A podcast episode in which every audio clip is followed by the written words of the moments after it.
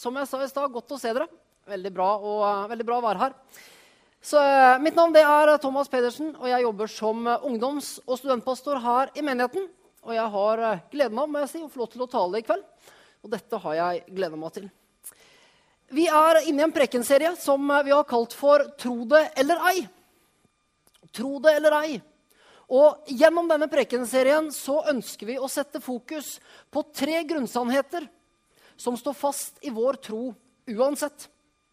Tre grunnsannheter som er så viktige for oss. Tre grunnsannheter som vi ikke rokker på. For dette, det er viktig for oss. Og saken er den at noen ting er viktigere for oss enn andre ting. Og vi kan si det sånn at noen ting kan vi diskutere. Noen ting vil vi forsvare. Mens noen få ting, det er vi villige til å dø for. Og bare for å forklare helt sånn innledningsvis, så kan du se for deg tre ringer sånn som dette her. Den ytterste ringen den representerer det som vi kan måte, være med å diskutere. Vi kan f.eks. diskutere Jesu gjenkomst. Hvordan blir det når Jesus kommer tilbake? Når kommer Jesus tilbake? Vi vet det at Jesus kommer igjen. Det vet vi, for det har Jesus sagt i Bibelen. Men når det skjer, hvordan det skjer, og på hvilken måte det skjer, det vet vi ikke. Så vi tenker at det er noe som vi kan diskutere. Ring nummer to representerer ting som vi ønsker å forsvare. Vi vil forsvare at kvinner kan være pastorer og ledere hos oss. Og vi vil stå opp for å forsvare kristen enhet. Mens ringen helt innerst, ringen helt innerst, det representerer hva vi er villige til å dø for. Og dette det er sannheter som står fast uansett. Tro det eller ei. Men dette, det rokker vi ikke på. Dette er vi villige til å dø for, for dette det er helt sentrale sannheter i vår tro. Og det er her vi befinner oss i den prekenserien som vi er akkurat nå. Og De siste søndager så har Frode Øvergaard, som er hovedpastor i Misjonskirken, og Inger Kittilsen, som er barne- og familiepastor, de har talt over to av disse grunnsannhetene. Frode han talte over temaet 'Dette tror vi om Gud'.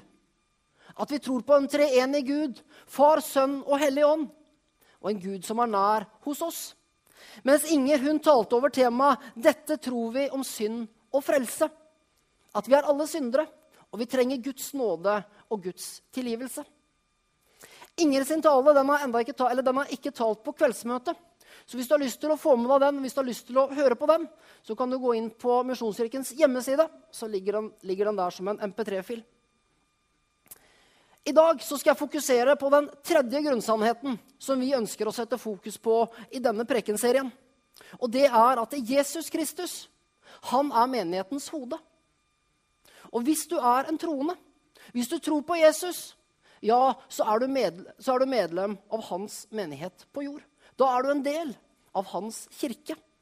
Sagt på en annen måte så kan vi si at dette tror vi om menigheten.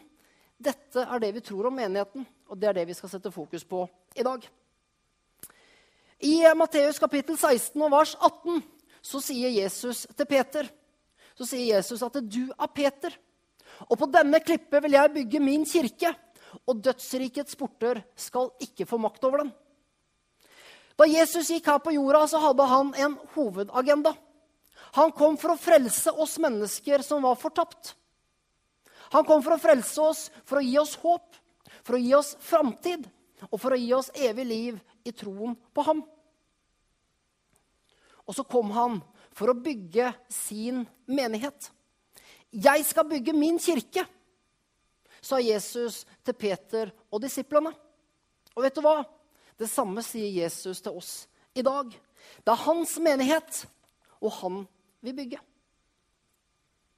Som sagt så hadde Jesus et mål om å bygge, eh, som sagt hadde Jesus et mål om å bygge sin menighet de årene som han var her på jorda. Og da Jesus reiste hjem til himmelen, så var det akkurat en menighet han forlot. En menighet, et fellesskap, et fellesskap av troende mennesker som skulle forandre verden. Jesus han bygde ikke et kirkebygg. Jesus han bygde ikke en stor business. Jesus bygde ikke et shoppingsenter. men en menighet av mennesker. Et fellesskap som han elsket. Et fellesskap som elsket han, og som elsket hverandre. Og jeg tror det at byggingen av dette fellesskapet det var nummer én hovedprioritet for Jesus gjennom hans tjeneste her på jorda. Hvorfor var det det? Jo, fordi Jesus visste at det er kun gjennom menigheten, det er gjennom menigheten, gjennom hans legeme på jord, at liv kan bli forandra. Og jeg tror det at det er først og fremst gjennom menigheten. Og da prater jeg om menigheten som Jesu legeme. At mennesker går fra mørke til lys. At mennesker får oppleve liv, håp og framtid. At mennesker får oppleve frelse og nåde. Og jeg vet det for mitt eget liv. At jeg hadde ikke vært pastor i dag. Og jeg hadde sannsynligvis heller ikke vært en kristen i dag hvis det ikke hadde vært for menigheten. Jeg er vokst opp i menighet. Og det menighetsfellesskapet som jeg fikk oppleve, spesielt i 15-20-årsalderen, det har betydd enormt mye for meg og for mitt liv. For det fellesskapet, det satte retning for livet mitt. Gjennom det fellesskapet så ble jeg kjent med Jesus Kristus. Og gjennom det fellesskapet så, så jeg det at jeg hadde en hensikt å leve for. Jeg var kalt, og jeg var utvalgt. Og i dag så må jeg bare si det, at jeg er utrolig takknemlig til menigheten. Til fellesskapet som jeg har fått lov til å være en del av. For det har prega livet mitt enormt mye. Jeg tror det at den lokale menighet er verdens håp. For jeg tror det er kun menigheten som sitter på kraften til å forandre et samfunn og lede, og lede mennesker til et liv med Jesus Kristus. Hvorfor? Jo, fordi Jesus Kristus han er menighetens hode. Han har gitt all makt i himmel og på jord. Og han elsker menigheten og ga sitt liv for den. Så hvorfor er menighet så viktig? Hvorfor er dette med menighet så viktig? Hvorfor sier vi det at dette er en grunnsannhet? Dette med menigheten. Hvorfor sier vi at dette er så viktig at det er vi villige til å dø for? Jo, for det første fordi Gud vet det at vi mennesker, vi trenger hverandre. Vi trenger hverandre. Vi trenger et fellesskap. I Matteus kapittel 22 og vers 36 så kommer det en mann til Jesus og så spør han, 'Mester, hvilket bud er det største i loven?'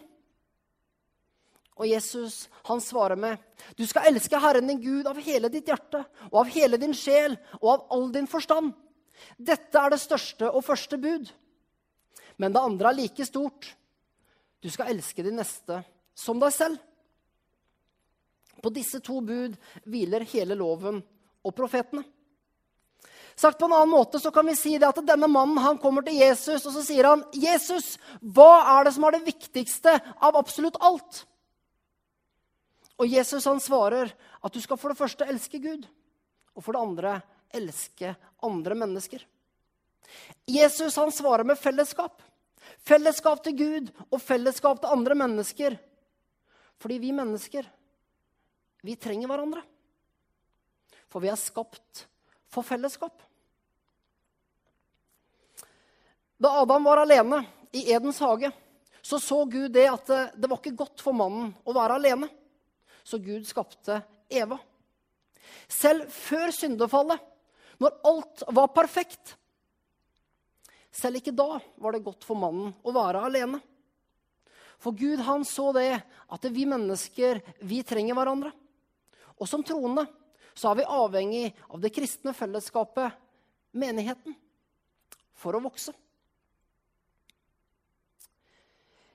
Jeg elsker fellesskap. Og jeg elsker å dele gode opplevelser sammen med andre mennesker. Jeg elsker f.eks. å se en god fotballkamp sammen med gode venner. Og kunne juble og gråte sammen. Og for min del så blir det mye gråt. Jf. cupfinalen for to uker siden. Jeg elsker å sitte ned på kafé og ta en god kopp med kaffe sammen med en god venn. Jeg elsker å henge sammen med gode venner. Jeg elsker å bruke tid sammen med familien hjemme og dele gode opplevelser sammen med Gunn Rakel, kona mi, og dattera mi Mathilde. Og så elsker jeg å være en del av menighetsfellesskapet. Jeg elsker å være en del av familien her i Misjonskirken. Jeg elsker også lovsynge sammen med dere. Be i sammen, le i sammen, gråte i sammen. Og leve livet sammen som brødre og søstre. Leve livet sammen som fellesskap. Fellesskap som bygger hverandre opp, og som står sammen. Noen mennesker sier det at eh, 'jeg trenger ikke gå til menigheten' fordi jeg kan be hjemme. Andre sier at 'jeg går ikke i menigheten fordi jeg har en bønnepartner som jeg ber sammen med'. Og det holder. Og ja, det er vel og bra. Det er kjempebra å be hjemme. Og det er kjempebra å ha bønnepartnere som man kan be sammen med. Men jeg tror det at hvis du ikke er en del av et fellesskap, hvis du ikke er en del av menighetsfellesskapet, så vil Jesuslivet stagnere før eller siden. Og I Hebrebrevet kapittel 10 og vers 25 så står det Hold dere ikke borte når menigheten samles. Så står det videre La oss heller oppmuntre hverandre. La oss komme sammen. La oss heie på hverandre. La oss oppmuntre hverandre. Og la oss være en enhet som står sammen. Og min sterkeste oppfordring til oss alle sammen i dag, det er vær en aktiv del. Vær en aktiv del i det som Jesus Kristus kom til verden for å bygge. Vær en aktiv del i Kristi kropp. 1. Korinterbrev 12,27, der står det at dere, altså menigheten, vi, dere er Kristi kropp, og hver av dere et lem på ham. Du og jeg, vi er en del av Kristi kropp, av Guds menighet her på jord. Og så er det også sånn at når en av oss ikke er her, så merkes det. Fordi det er et lem som mangler. Og sannheten er det at når et lem mangler, når én mangler, ja, så lider hele legemet. Vi vet selv det at når en del av kroppen vår, altså kroppen vår, når en del av kroppen vår ikke fungerer, så lider hele kroppen. Jeg vet ikke om du har erfaring med å slå f.eks. lilletåa inn i en dørkarm av full kraft.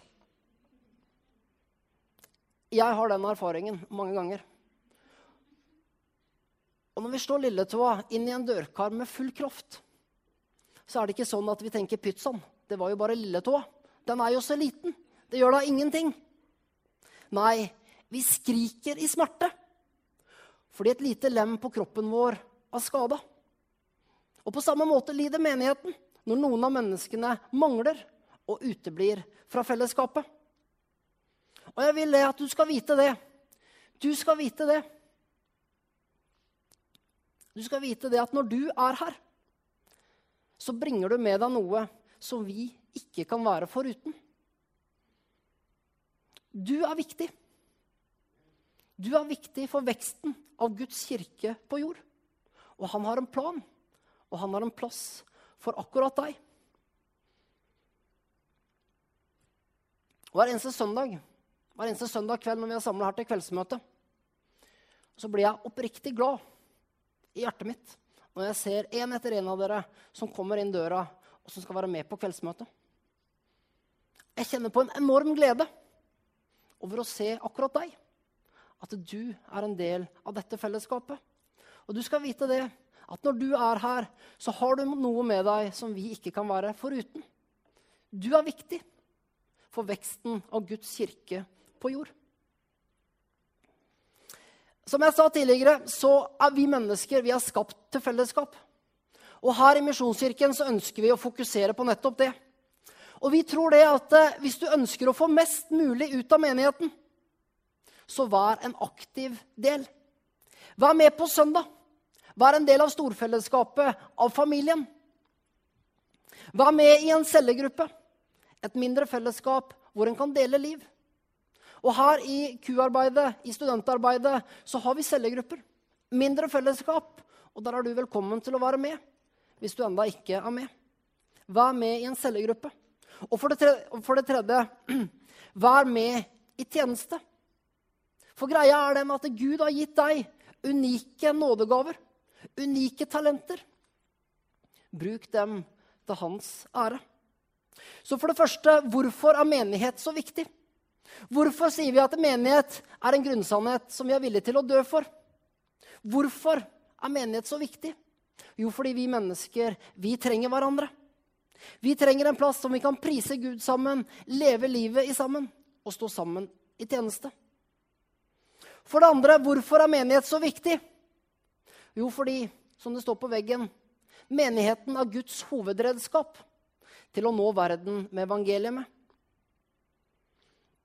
I Apostlenes gjerninger, kapittel 2 og vers 47, så står det om den første kristne menigheten i Jerusalem.